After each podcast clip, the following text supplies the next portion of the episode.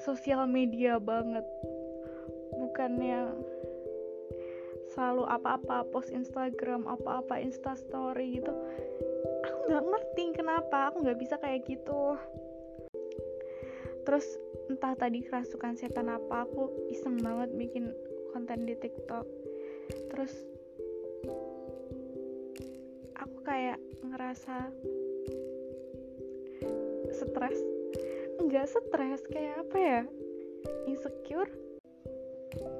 Kayak gini loh. Kita kita kita ya kita kalau lihat Instagram itu rata-rata apa yang kita lihat tuh orang-orang yang populer. Jadi secara nggak sadar tuh ini aku ya secara nggak nggak sadar aku terpatri. Kalau paling nggak kalau aku bikin video TikTok itu paling nggak yang nonton paling nggak 100 orang lah. Terus kalau bikin postingan di Instagram paling nggak yang ngeliat ya 100 orang lebih lah. Terus tadi sehabis aku bikin konten TikTok itu ternyata yang nonton cuma satu. Dan aku pun nggak yakin itu kayaknya ngetrack uh, aku sendiri yang nonton dan aku ngerasa kayak malu banget gitu loh. Ini aku ngapain sih? Aku ngapain bikin kayak gini-ginian? Udah tahu aku nggak bakal dapetin feedback yang baik gitu loh. Terus juga karena aku bukan siapa-siapa ya aku merasa kalau apa yang aku buat juga nggak bakal ngasih impact. Eh, ngasih impact ngasih manfaat terus bisa sampai ke orang yang sesuai sama targetnya gitu loh. Sesuai sama orang yang butuhin konten yang aku buat. Emangnya ada yang emangnya ada yang ah nggak tahu sumpah. Aku nggak bener-bener nggak ngerti. Kenapa aku harus pakai sosial media? Sebenarnya dasar dari aku ngunek kayak gini tuh apa ya? Kayak rasa kecewa aja gitu loh. Ya sebenarnya aku dapat satu views aku cuma dapat satu like itu kan ya aku ngerti lah cara kerjanya sosial media itu kayak apa. Toh emang uh, aku nggak punya faktor-faktor kenapa video aku harus ditonton banyak orang kenapa postingan aku harus dilihat banyak orang gitu loh. Sebenarnya dalam hati aku menyadarin itu cuma ya kecewa aja sih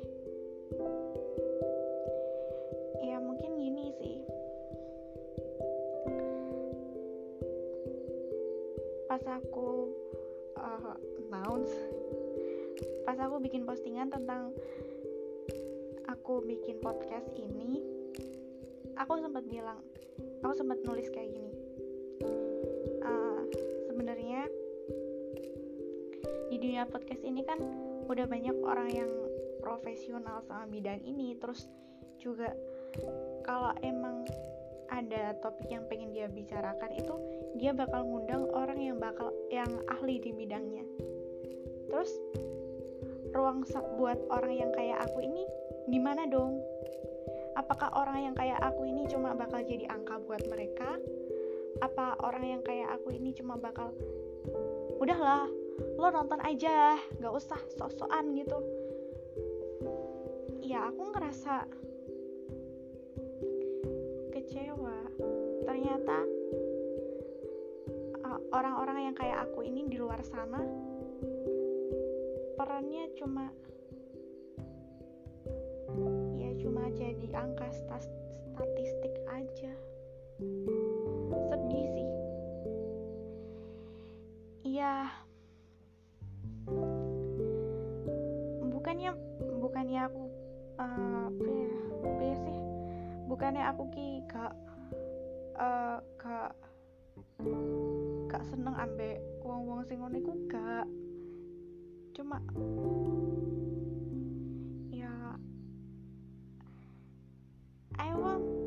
pengen aku pengen ngebuktiin kalau ada loh orang yang kayak aku di dunia ini. Kayak walaupun uh, walaupun aku nggak punya keahlian khusus walaupun aku nggak terkenal nggak populer aku masih bisa hidup loh. Walaupun aku nggak ngelakuin uh, step-step tujuh cara untuk menjadi orang yang lebih baik walaupun aku nggak ngelakuin 10 cara menjadi orang yang kaya aku masih bisa hidup loh. Ya terus kenapa? Apa masalahnya? Kalau orang kayak aku ini keluar gitu loh. Apakah ini bakal merusak tatanan dunia?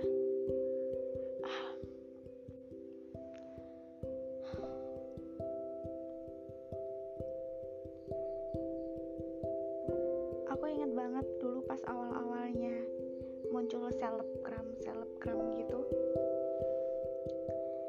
Ya sebutlah Aukarin ya. Dulu aku suka banget sama Aukarin ya bukannya sekarang nggak suka. Sekarang sih masih ya aku masih ngeliatin Aukarin cuma dulu tuh gini sewaktu Aukarin jobnya udah mulai banyak tuh dia udah endorse endorse nya udah banyak di ah gini. Jadi aku sama Aukarin ini kan seangkatan ya sekolahnya. Nah pas Aukarin udah di step itu aku masih ribet nyari kayaknya aku masih ribet nyari kerjaan atau enggak nata gaji aku gimana caranya biar biar nyucuk ben iso nyucuk ambek biaya hidup aku. Kayak wah ternyata gapnya antara aku sama Aukarin itu sejauh itu ya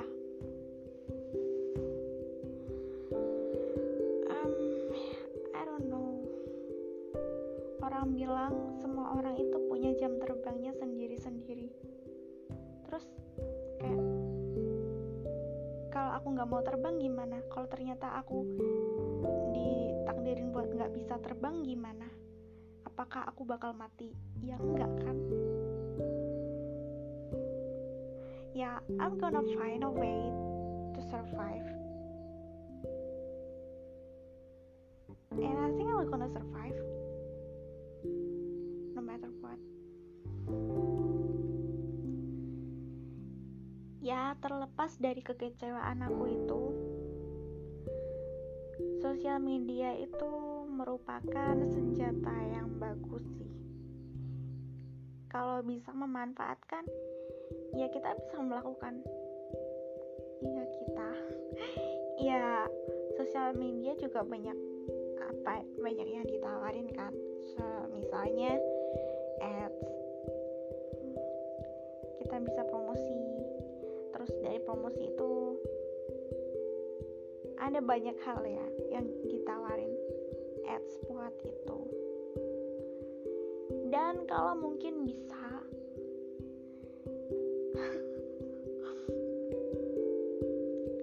ya ya mungkin bisa viral-viral gak ngerti sumpah kayak miris aku ngomong viral itu. Tapi ya gitu di satu sisi bakal ada kayak serangan kepada diri sendiri sebagai bumerang gitu.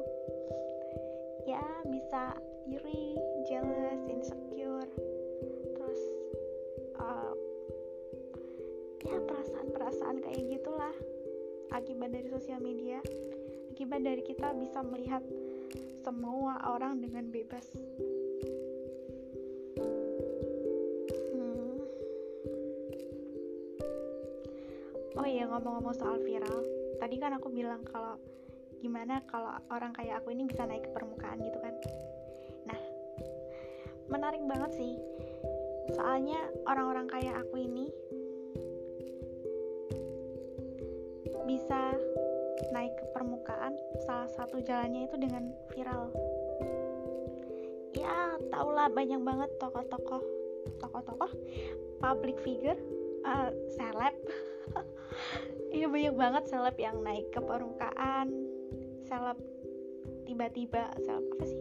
Orang kaya baru uh, seleb baru seleb baru yang naik ke permukaan pakai jalan viral ini. Ya bukannya I'm not a fan of them tapi aku juga nggak bukannya aku punya punya hate cuma kayak emangnya itu ya satu-satunya cara? Ah tapi nggak juga sih. Ya gini loh. Once mereka naik ke permukaan apa yang mereka lakukan itu ya bukan apa yang dia lakukan pas viral itu gitu loh itu bukan sesuatu yang konsisten. Soalnya ketika orang biasa naik ke permukaan otomatis kan dia bakal dapet uh, opportunity yang besar ya. Ya masa dia mau gunain opportunity yang besar itu buat down to earth lagi buat uh, turun lagi ke tapi ya mungkin juga sih. Maksudnya ketika si A ini naik ke permukaan ya terus dia banyak jawab lalalalalalala nah once he get done with this dia bakal balik lagi ke startnya biar bisa naik lagi. Oh maybe maybe maybe. Ya ampun gibah kan jadinya. Tapi menarik sih. Uh, jadi apakah aku bakal diet sosial media? Sosial media detox emangnya perlu ya. Aku sendiri nggak terlalu pakai kok. Um,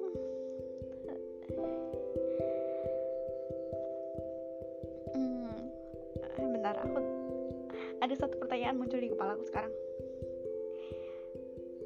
Sebagai orang yang kayak aku ya. Emangnya kenapa sih kalau kita jadi audiens aja toh kita bakal jadi banyak toh kita dapat informasi yang bisa jadi bahan-bahan ketawaan kayak gini kan.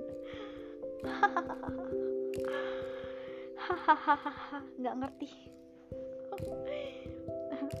Wait wait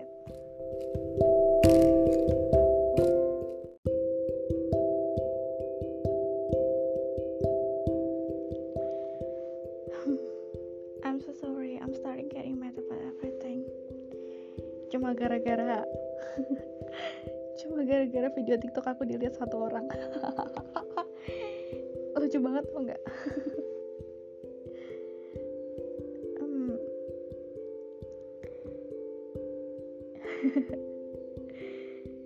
lucu aja nyadarin nyadarin semua itu.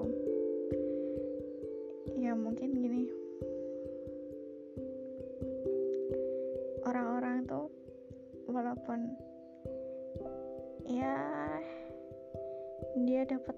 attention yang enggak sebesar itu tapi tetap tetap have fun gitu sama apa yang dia lakuin. Kok bisa sih? Atau emang mungkin sosmed itu buat orang-orang kayak gini tuh bukan segalanya gitu ya? Kayak ya aku main tiktok itu ya aku cerita sama temen mungkin gitu ya. Gitu apa ya? Mungkin mereka mungkin mereka foto-foto itu tuh ya kayak mereka uh, kayak mereka ngobrol sama teman mereka gitu kan. Atau mungkin kayak bagi-bagiin ya ini loh aku lagi di sini. Eh ini loh aku lagi makan ini. Eh ini loh baju aku bagus nggak mungkin gitu ya. Jadi kayak kalau mereka ya mungkin katakanlah followers mereka cuma 30 terus yang nge-like eh, followers mereka mungkin cuma 300 terus yang nge-like mereka cuma 30 itu mereka nggak nggak ngerasa ya I have to earn more likes on my photo kan nggak mereka mungkin nggak ngerasa kayak gitu kan. So I enjoy that. Tapi mereka emang nggak dapat influence ya dari artis-artis kayak gitu. Kan nggak mungkin mereka main Instagram terus pas lihat Agnes Monica mereka nggak follow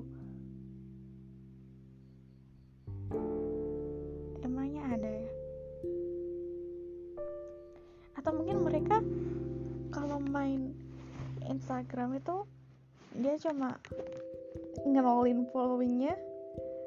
Terus kalau mau follow-follow akun-akun gibah lamtur dan artis-artis itu dia second account. I'm not sure about that. Tapi itu menarik.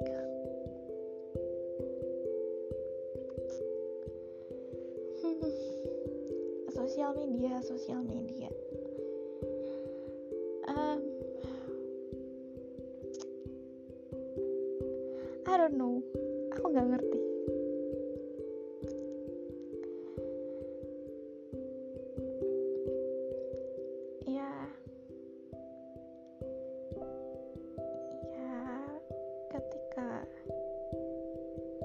jadi ketika kita mutusin buat bikin suatu misal satu account Instagram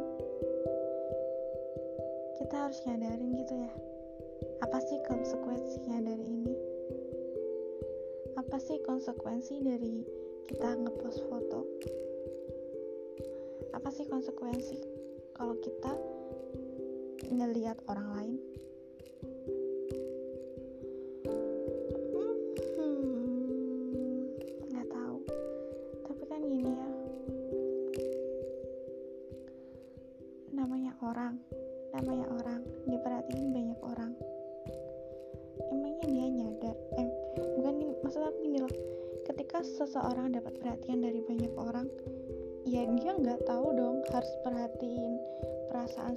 aja. Dia kan nggak mungkin kayak ih kalau aku kayak gini nanti si A bakal tersinggung nih. Nah sedangkan kalau followersnya ada 2 juta orang emangnya dia harus ngertiin setiap orang personal satu-satu biar orang-orang itu nggak tersinggung? Kan enggak juga dong. Nggak harus kayak gitu dong. Jadi gimana sih selayaknya kita pakai sosial media sebagai sebagai human being sebagai seseorang seorang manusia gitu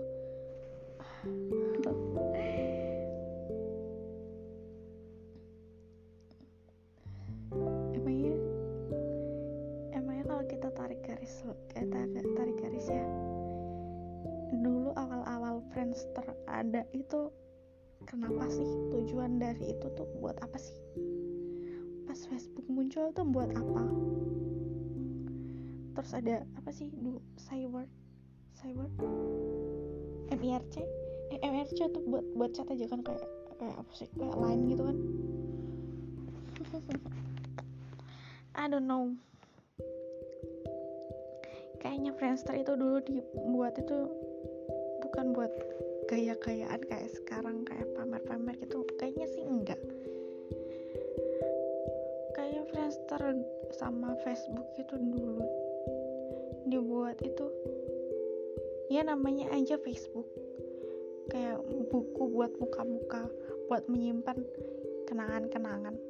Ya katakanlah album foto yang bisa dilihat sama orang banyak gitu kan. Ya pernah terus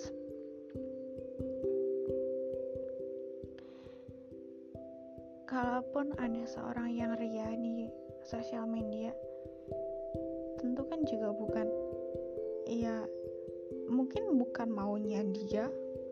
Ya um, di satu sisi mungkin bener dia lagi uh, lagi um, show sharing ke temen ini loh aku lagi pakai aku lagi pakai baju kayak gini. Mungkin gitu. Tapi mungkin di satu sisi di, ada orang yang ngepost itu sebagai pengakuan heh heh lo semua lihat nih gue bisa lo pakai baju kayak gini. Gue bisa lo nenteng tas yang harganya segini. Atau mungkin ada orang yang cuma iseng aja. Yang kayak dasar lo rakyat jelata lihat nih gue bisa beli tas kayak gini emangnya lo bisa? Mungkin ya Oke, okay, podcast episode kali ini kayaknya penuh gibah deh. Wait, wait, wait. Kayak nanti aku bakal ada pesan-pesan gak sih? Ha, coba deh aku lihat.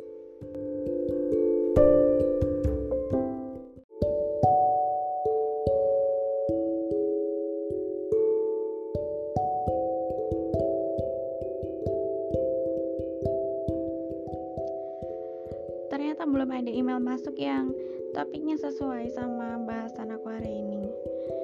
Nah jadi aku cari-cari ke twitter siapa tahu ada bahasan yang cocok. Dan ya aku dapat beberapa.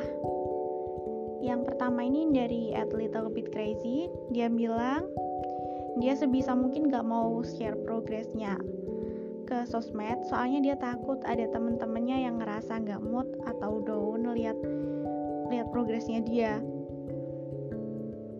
soalnya dia sendiri ngerasa kayak ketakutan sendiri. Dan dan mungkin juga dia ngerasa ada efek positif kalau ngelihat progres temennya di sosmed. Tapi dia bilang gini lagi dia nyangkal nyangkal sendiri.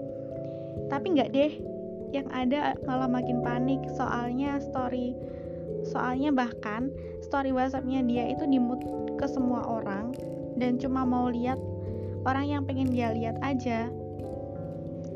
Nah di si Little Bit Crazy ini udah nerapin ini selama 4 bulan dan ngerasa tenang. Dan pelarian terbaik dia itu cuma di Twitter. Ya ini bisa dicoba sih. Ya mungkin kayak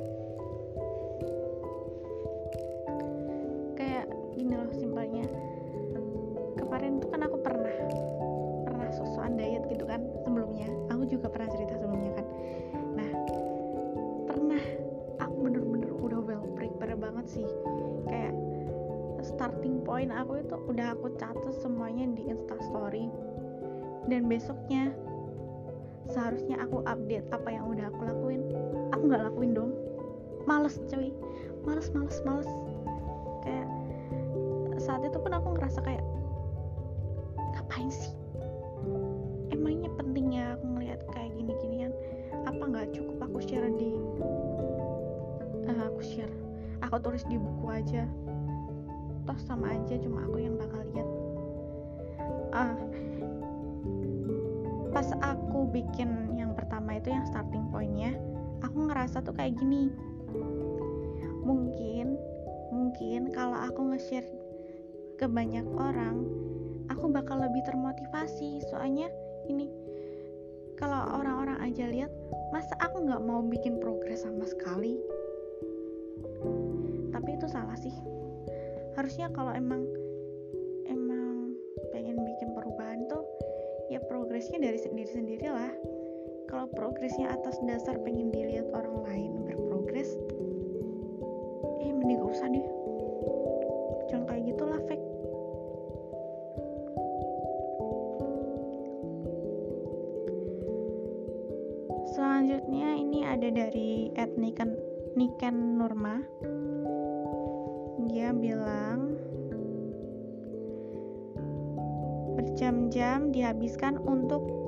melihat kehidupan orang lain di sosial media.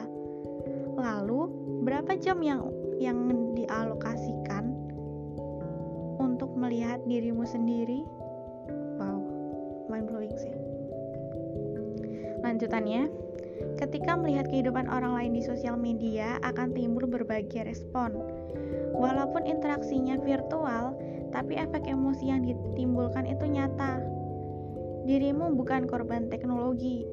Dirimu adalah seorang manajer yang akan mengatur apa yang harus dilihat dan apa yang harus ditinggalkan. Anggap aja ini adalah sebuah sapaan dari dirimu sendiri yang ingin lebih dicintai, diperhatikan, dan dihargai. You are loved. You are well taken care of as long as you want to see and give love to yourself. Stay safe semua, cari waktu tertarik sama kata-kata yang itu loh, yang dirimu bukan korban teknologi. Oke, aku kemarin itu kan lihat YouTube di channelnya siapa sih? Aku lupa. Um, ya dia Asian American gitu kan. Rowena, Rowena Sai. Aku lupa siapa. Dia itu atur handphonenya biar handphonenya itu bisa bekerja buat dirinya sendiri jadi dia hapusin apps-apps yang dia nggak perlu.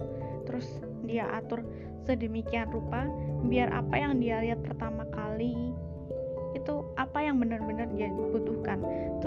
Dia jauhin kayak sosial media Instagram dan sebagainya. Ya iyalah Instagram dan sebagainya itu di slide paling terakhir.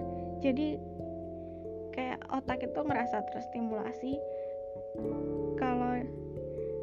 dia itu bakal kesusahan gitu loh mau nyari-nyari nyari-nyari sosmed app sosmednya. Dan habis itu kan aku nyoba terapin ke aku sendiri. Nggak bekerja dong. Ya kayak otak aku pun jadi semakin terbiasa mencari dan ngerti lagi di mana sih posisinya. Ya bukan buat menipu gitu nggak. Cuma kan kalau kita susah-susah kan I don't wanna work for it gitu loh.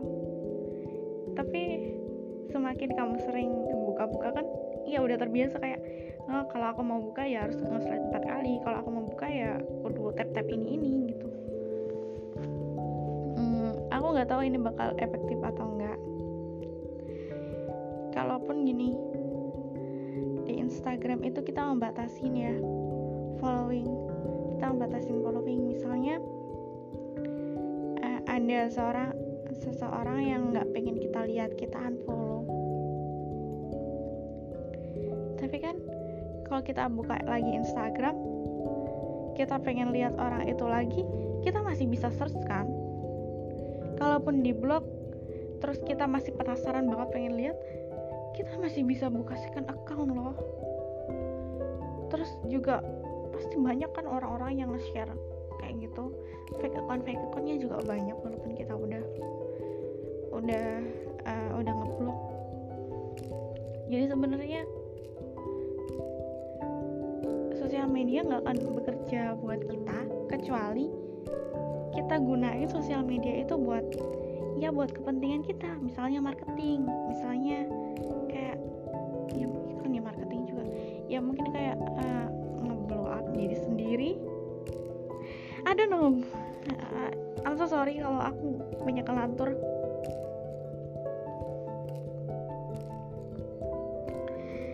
gimana kalau kita lanjut aja? Ini ada uh, seorang sendiri yang nanya ke base soal gimana caranya self love soalnya dia ngerasa jelek dan insecure kalau ngeliat cewek-cewek cakep di sosmed. Oke okay ada reply yang menarik tadi aku lihat. Ini uh, yang reply atas nama atas nama username-nya at Milk. Dia bilang gini Aku pernah baca katanya kita 20% lebih menarik di mata orang lain. Jadi aku pede aja. Terus kalau buka sosmed dan lihat cewek cakep bikin kamu insecure, mending jangan dilihat. Jangan dibuka. Malah bawa pengaruh buruk ke kamu. Cilder kita cakep kok. 20% lebih menarik di mata orang lain. Aku nggak bisa bukti ini ini sih gimana ya ini fakta yang menarik. Cuma aku nggak aku sendiri nggak bisa buktiin kayak emang iya ya. Ini kenapa sih orang tertarik sama aku? Aku yang kentang banget gini emangnya bisa ditertarikin apanya? Oke okay. mungkin I have to study about that. Menarik sih ini angka 20% ini dari mana? Mari kita cari nanti. Lanjut ini dari Etina Sani dia bilang kalau belakangan ini ngerasa mental headnya membaik dan dengan cara mengurangi sosmed. Dia juga nyari lingkungan yang berpengaruh positif juga. Tapi tapi keadaan itu nggak bertahan lama karena dia mulai buka IG dan story teman-temannya. Terus dia lagi langsung insecure lagi. Nah seperti yang aku bilang tadi kayaknya kalau emang mau mengurangi tuh jangan langsung kayak mengurangi. Ah langsung delete apps langsung uninstall apps. Kan kita bisa sewaktu-waktu install juga kalau mau. Kayak kalau ya mau mengurangin ya kayak batasin aja. Kalau kamu buka Instagram ya kamu terbatas cuma bisa lihat ini ini aja loh gitu loh terus juga ngeblokin akun-akun yang nggak perlu kamu lihat. Unfollow. Unfollow aja sih. Ngapain di blok ya tapi kalau mau nggak apa-apa juga sih terserah. Tapi aku yang masih belum paham itu sama algoritma menu explore di Instagram itu loh. Itu gimana sih? Kalau misalnya nah terkadang itu kan gini. Kalau kita nggak follow seseorang terus followan kita itu ngelihat video terus video atau foto itu kan bakal muncul di explore. Nah kalau aku nggak tertarik itu gimana? Maksudnya kan ya mungkin aku tertarik sama temen aku aku tertarik sama pembaruan-pembaruan mereka pembaruan-pembaruannya dia ngupdate apa itu aku mungkin masih penasaran. Tapi tuh aku nggak penasaran sama sekali sama apa yang dia lihat di Instagram. Misalnya dia suka lihat uh, kucing juga-juga terus kenapa aku harus ngelihat itu juga di explore Instagram aku? Kan belum tentu aku tertarik juga gitu loh. Itu bisa diatur nggak sih? Penasaran nih uh, ini ada yang menarik sih cuma agak anu. Ini dari dari at artis ff dia bilang gini potongan-potongan informasi yang kita terima di sosmed atau sumber luar nggak memberi pengaruh yang signifikan di hidup. Ini sebenarnya nggak ada hubungannya sih cuma misal gini ada kasus seleb ini naik ya. Naik gara-gara ada kasus negatif soal dia pemberitaan pemberitaan negatif yang entah yang entah nyabu atau apa. Nah aku nggak ngerti